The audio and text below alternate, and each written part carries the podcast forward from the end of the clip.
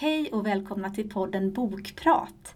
Vi som driver den heter Hanna. Och jag heter Lotta och vi jobbar som bibliotekarie på Jenny Nyströmskolan.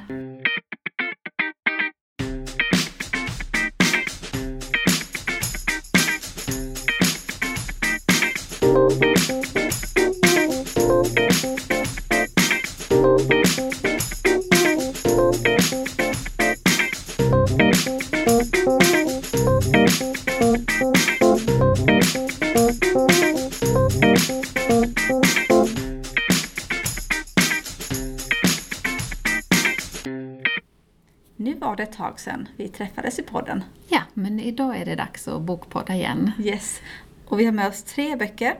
Eh, och de här första två som jag tänkte berätta om är ju då det, man kan väl säga att det är som en serie fast de är fristående från varandra. Men det är samma författare. Och författarna heter Philip O'Connor och Haidar Haidari. Eh, och de skriver båda på svenska fast de har lite utländskt eh, klingande namn. Ehm, och som sagt, man kan läsa de här var för sig men det finns ju ändå en bok som kommer först Fast man måste inte läsa dem i den ordningen, men jag börjar i den ordningen ändå. Och den första den heter När allt står på spel. Och man ser rätt så tydligt på omslagen att det handlar om fotboll på de här, eh, i de här böckerna. Eh, så det är det ingen tvivel om. Eh, och i den första boken då träffar vi en kille som heter Malik. Och han bor i, ja men kanske om det är i någon typ av förort till Stockholm. Där bor han med sin mamma.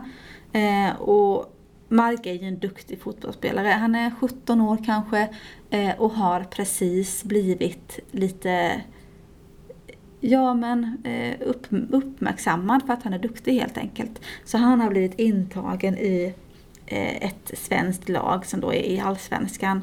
Och det är ett påhittat lag. Det heter Svea United. Eh, så det finns liksom i böckernas värld här men inte i verkligheten. Och det här är ju stora chansen för Malik verkligen att få bli en elitfotbollsspelare. Eh, att få göra det han tycker han är bäst på, det han tycker är absolut roligast. Men det är också en chans att faktiskt vända på, på livet på andra sätt. För han och hans mamma har det inte särskilt bra. Han går ju fortfarande i skolan, mamman är sjuk, hon har en sjukdom som gör att hon inte alltid kan jobba så de får inte in så mycket pengar. Eh, och Malik har liksom märkt att det börjar dyka upp brev från Kronofogden och sånt där hemma. Att mm, kanske inte alltid har kunnat, kunnat betala in hyran och, och sånt där. Så det är lite skarpt läge. Eh, ska de kunna bo kvar så måste någonting hända helt enkelt. Så den här chansen nu när Malik kommer in i Svea United är verkligen ett break. Um, och det man kan säga generellt om de här böckerna är att det är ju verkligen fotbollen som är i centrum. Men så finns där ett, men något slags dilemma eller någon slags eh, svårighet som kanske förekommer i fotbollsvärlden på den här nivån som står i centrum då. Och i den här boken där, som det handlar om Malik, då handlar det om att fastän Malik har börjat spela i laget så har han fortfarande inte fått ett kontrakt. Eh, och det här är som att sportchefen där är lite tveksam till, ja men det kommer, det kommer, vi måste bara fixa det här först. Och ekonomin är inte så bra just nu, vi måste bara driva lite med detta först. Innan vi kan få till ett kontrakt. Och grejen är ju den att Malik kommer inte få någon lön eller några pengar förrän han har ett kontrakt. Eh, och då står han lite där och stampar. Jag menar det är inte så lätt som 17-årig nykomling i ett lag att komma och ställa krav. Och säga att nej men jag vill ha pengar. Jag behöver pengar, alltså, det är inte, kan man ju förstå. Ja, och jag tänker om han då också har en mamma som är sjuk, energin är låg, mm. eh, hon, hon brottas med sina problem, kanske inte hon heller har kraften nej, nej, nej. att gå in liksom och kontrollera det här. Hon har inte definitivt inte det och hon har inte heller så god kännedom om hur det funkar. Eh, men via en kompis så börjar han kanske tänka sig att man kanske skulle ha en agent ändå. Alltså det är det de flesta fotbollsspelare på högre nivå har ju ändå en agent som hjälper dem och för deras talan och, och sådär.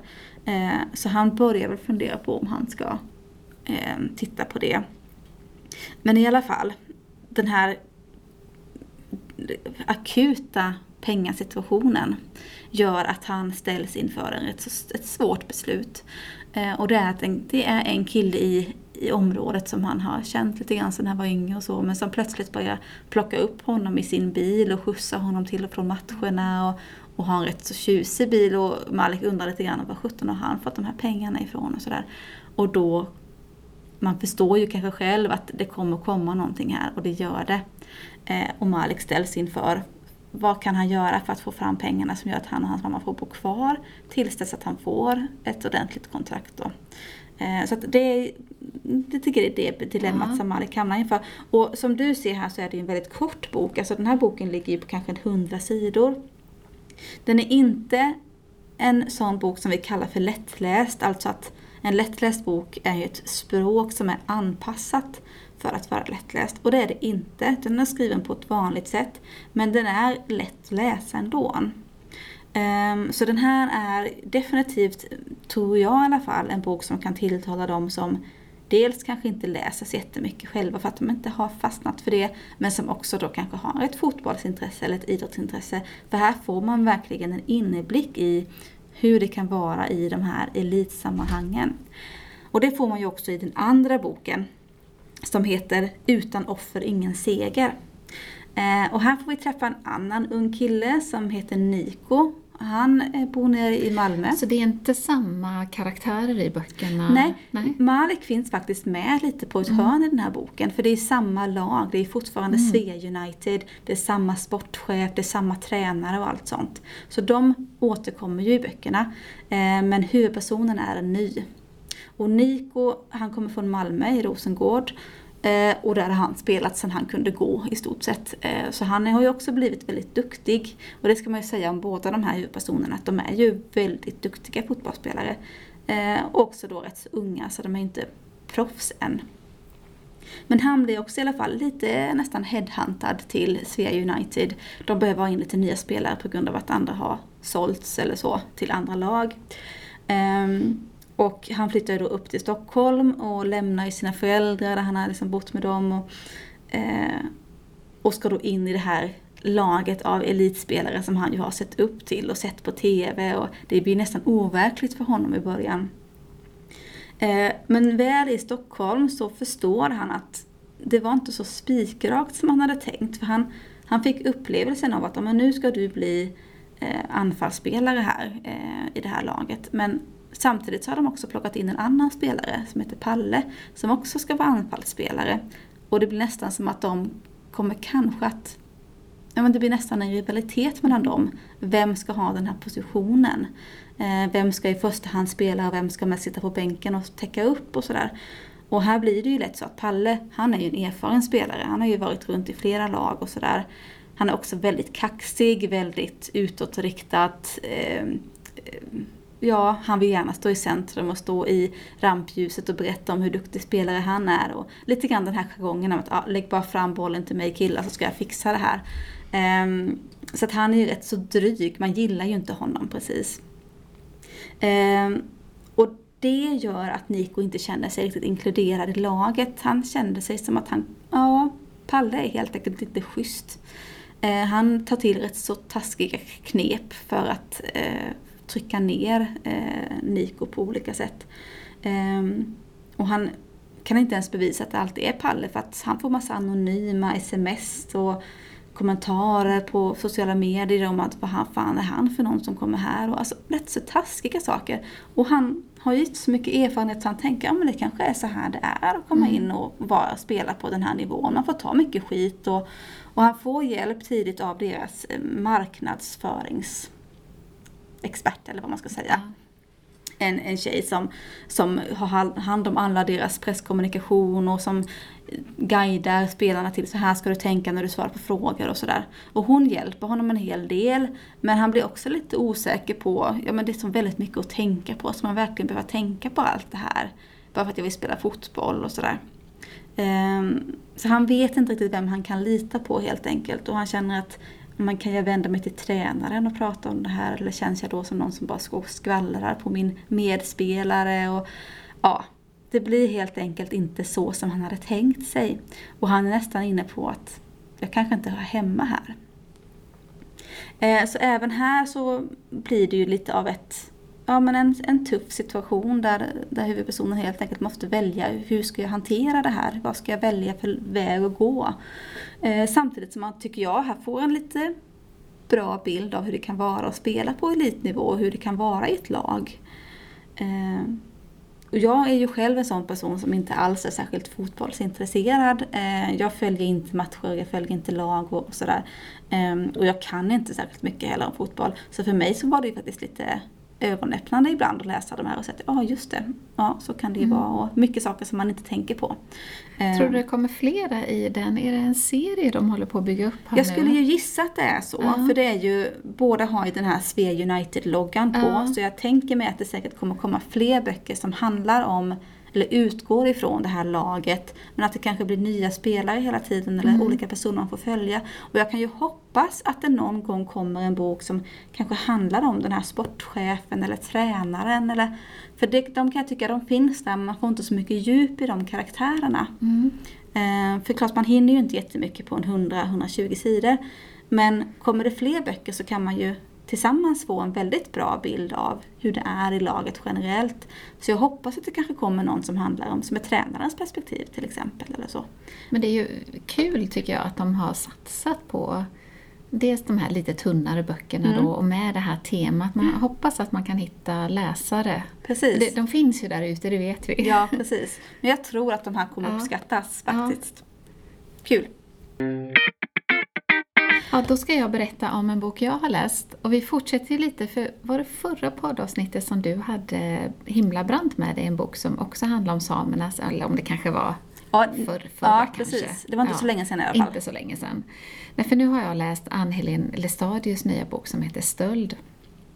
Och den handlar ju också om en sameby uppe i Norrland. Och för oss här nere i söder, precis som du sa, så är det ju lite svårt liksom att greppa släppa dels liksom förhållandena där med långa vintrar och att det är så långa avstånd och att det, man får lite inblick i skolan och då är det ofta en etta till trea med 12 barn och sen en fyra till sexa med liksom 15 barn. Och, alltså det är liksom andra livsvillkor. Så bara det tycker jag gör boken lite spännande, att det är det är ett Sverige som inte vi riktigt är bekanta med. Och sen så är det ju såklart det här med samerna. Och då tänker man ju hur lite vi vet om en befolkning som faktiskt är liksom vår befolkning i, i mm. Sverige, en minoritet. Men i den här boken så får man följa en nioårig flicka som heter Elsa. Eh, och hon eh, är ju same då. Nu har inte jag boken framför mig, men precis som i Himlabrand så har den också samiska ord i sig. Så varje kapitel till exempel då står det både kapitel 1 och sen så ett på samiska. Ja. Och mormon Oh, nu skulle jag haft boken här, men, men ja, har alltid, hon kallar sin mormor för mormor på samiska och många av namnen på renarna har ju samiska namn som är väldigt obekanta för oss. Men det blir ju, ja, jag tycker det förhöjer läsningen när man läser. Det är spännande att få ta del i det språket också. Men här Elsa, hon är väldigt eh, känslig men stark. Alltså det är en stark tjej och man får följa Elsa hela vägen upp till vuxen ålder så man får ju liksom ett bra perspektiv på henne. Men hon är väldigt känslig, hon är en sån där flicka som mäter in alla i sin omgivning och tar på sig ett ansvar för hur mamma mår, hur pappa mår, hur storebror. Och så hör hon, för alla vill bespara henne alla detaljer hela tiden och det är ju nästan ännu värre för ett barn. För då hör hon bara vissa liksom glimtar här och där en konversation med hennes föräldrar så hör hon kanske en mening och sen så upptäcker de att Elsa hör och då tystnar de. Okay. Så hon får ju liksom aldrig riktigt det här sammanhanget och det det handlar om det är ju naturligtvis de här motsättningarna då mellan samerna i byn och mellan den andra befolkningen i byn. Och då börjar boken med att Elsa hon har fått sin egen ren som då heter något väldigt vackert. Eh, och hon är ute på en skitur och då upptäcker hon att hennes ren ligger dödad. Eh, eller håller på att bli dödad ska jag säga. För, för den här mannen som heter Robert Isaksson, som är den stora... Eh, han blir liksom same samhällets hela motståndspart liksom mm. identifieras i den här mannen Robert hela tiden, så han hänger också med i hela boken. Robert ser att Elsa ser honom. Men, hon skräms till tystnad. Och det är inte bara att Robert Isaksson och några gelika med honom dödar renar, alltså de gör det på ett grovt sätt eh, ja, men tortera renarna. I en, ja, men i en hämnde För att de inte gillar samerna då? Ja, det ligger så mycket. Jag tror att vi har så svårt att förstå det, men det ligger, alltså det ligger så mycket i de här samhällena med skuld som ärvs i generationer, skam som ärvs i generationer. Och han tycker ju, och det, stämmer ju också, att han och hans familj och släkt har ju levt där också i generation efter generation efter generation. Och samerna likadant. Och så kan de ändå inte mötas och varför ska samerna få vissa privilegier? För det får de ju i, som en minoritetsbefolkning. Mm. Så det har liksom väckt och, och, och renar tycker de då Dels att de, det händer en, del, en hel del olyckor, alltså vägolyckor med renar och så. Så att det finns, liksom det finns sånt agg, det finns sån ilska som är liksom lite jobbig att ta till mm. sig i såna här böcker. Men Elsa skräms till tystnad, men, men det här ligger hos henne liksom under hela hennes liv. Det här skulle hon, eh, för händelsen polisanmäls, men hon träder ju inte fram då utan bara säger att hon hittade renen död. Mm. Eh, och hon, är så, hon försöker fråga polisen vad, om, om jag ljuger, hur kommer jag sättas i fängelse då? Alltså sådär. Mm. Hon, är, mm. hon, har, hon har sån rädsla i sig i det här. Eh, eh, ja, men, eh, och sen får man ju då följa henne. Men Alltså den har så många aspekter i sig. För den, dels handlar det om det här samesamhället kontra det andra samhället. Och en sån liten detalj är till exempel att i den här lilla byn finns det två skolor. En samisk skola och en vanlig skola, eller vad man ska säga. Så liksom man föder ju också det här avståndet hela tiden. Och mycket mobbning på skolorna. Och i det här samhället, både hos samerna och hos de andra, så är det, det är stora problem med missbruk och psykisk ohälsa, självmord. Och just hos samerna, det får man följa släktingar till Elsa, bland annat hennes, om det är bror eller farbror minns inte jag, men han, han begår självmord. Och att man, man pratar inte om det, det bara finns liksom som en sån här tryckt liksom, känsla.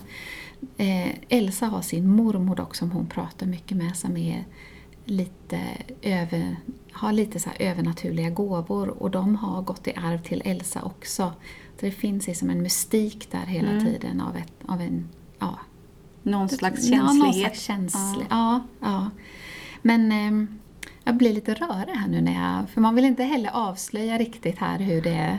Men, men det, det, är som sagt det är många aspekter och man, man kan tycka att ja, en, en det här att den heter stöld till exempel, det är för att den här, de här brotten mot renarna rubriceras som stöld och inte som ett jaktbrott som det kanske normalt tänker man att men det, det måste ju vara ett jaktbrott. Men i och med att det blir bara rubricerat som stöld så hamnar det liksom i en annan kategori hos mm. polisen. Och då uppfattar ju samerna att de aldrig eh, tar tag i de här problemen. Det bara läggs på hög alla de här ja, ren mm. eh, misshandel och dödandet. Eh, och sen från polisen så får man ju också en känsla av, alltså, en sån som kanske inte vi riktigt kan se, att de ska ju täcka ett område som är gigantiskt. Mm. En polispatrull har liksom ett gigantiskt geografiskt område. Så det finns ja, en sån här resurs... Eh, mm i det där och att man hela tiden talar mot varandra, man möts inte. Tänker det måste vara fruktansvärt att bo i ett sånt samhälle där, ja. det, där det finns en misstänksamhet hela tiden mot mm. Och sen tycker jag också lite det här med same, att man får, att det inte, alltså de möter så mycket hat mot, från det övriga samhället. Men i sin samekultur så har de också svårigheter med jag menar, barn som växer upp idag som kanske vill leva mer moderna liv, man vill flytta till Stockholm, man, man har ju liksom tillgångar till allt, ja men det här med telefoner och, och dator och, och sådär, så man vet att det finns en annan typ av liv. Så det, det är också liksom en sån där ja, som, en, som ett samesamhälle måste ta ställning mm. till. Hur ska man liksom förhålla sig till barn som får en helt annan uppväxt? Och sen lite det här med kvinnor och manssamhälle. Alltså samerna har en tradition av att det är den äldste sonen som, ska, som ärver liksom ren... Så var det ju i vårt jordbrukssamhälle också, att den mm. äldsta sonen skulle ärva. Och det ligger kvar. Och idag kommer det ju starka kvinnor som den här Elsa som vill jobba med renar i framtiden. Så det, det finns liksom mycket mm. där också att fundera i. Så jag tycker det här är en jättebra bok att läsa en bokklubb eller tillsammans med någon annan. För den har så många delar som man kan mm. liksom fundera Och just att få upp ögonen för då hur det kan vara att, att bo i antingen som same eller som icke-same i, eh, i, tillsammans med, eller i, när man ja. har de här två grupperna tillsammans då, ja. i samma stad eller i samma by. Men sen får man ju, nu tänker jag att jag kanske har sagt lite kritiskt sådär om att bara svårigheter, men man får också uppleva det positiva med samekulturen, att den är väldigt stark gemenskap mellan dem och det här hantverket som finns och som lever kvar och som går i arv. Och så det finns ju mycket positivt också som kommer fram i boken. Men bara bokens namn, det här med stöld, är ju att den är ju väldigt mycket just det här motsättningarna, motsättningarna mellan samer och det vanliga livet. Och, eh, ja. Men en jättebra bok. Det är hennes första vuxenbok. Hon har ju skrivit ungdomslitteratur innan. Just. Så, eh, men hon har väl själv samiskt påbrå? Mm, det har hon. Eh, men hon bor sen ganska många år tillbaka utanför Stockholm någonstans tror jag det är. Men hon har ju varit aktiv i debatten länge. Och hennes namn måste ju komma, det skulle jag kanske forskat lite om innan, men man tänker ju lästadianismen, att, att ja, det, det, är något där. Men det vet jag faktiskt inte Nej. riktigt, men det kan man ju tänka sig att det är hennes... Det kan bli någonting att kolla upp för ja, er som är nyfikna. Ja. ja, men vad bra. Jag själv jag har inte läst den än, men jag är väldigt sugen på att läsa den. Ja, ja men det tycker jag du ska göra. Det var allt för den här gången. Eh, så är vi snart tillbaka med lite nya boktips. Ja, syns nästa vecka. Hej hej!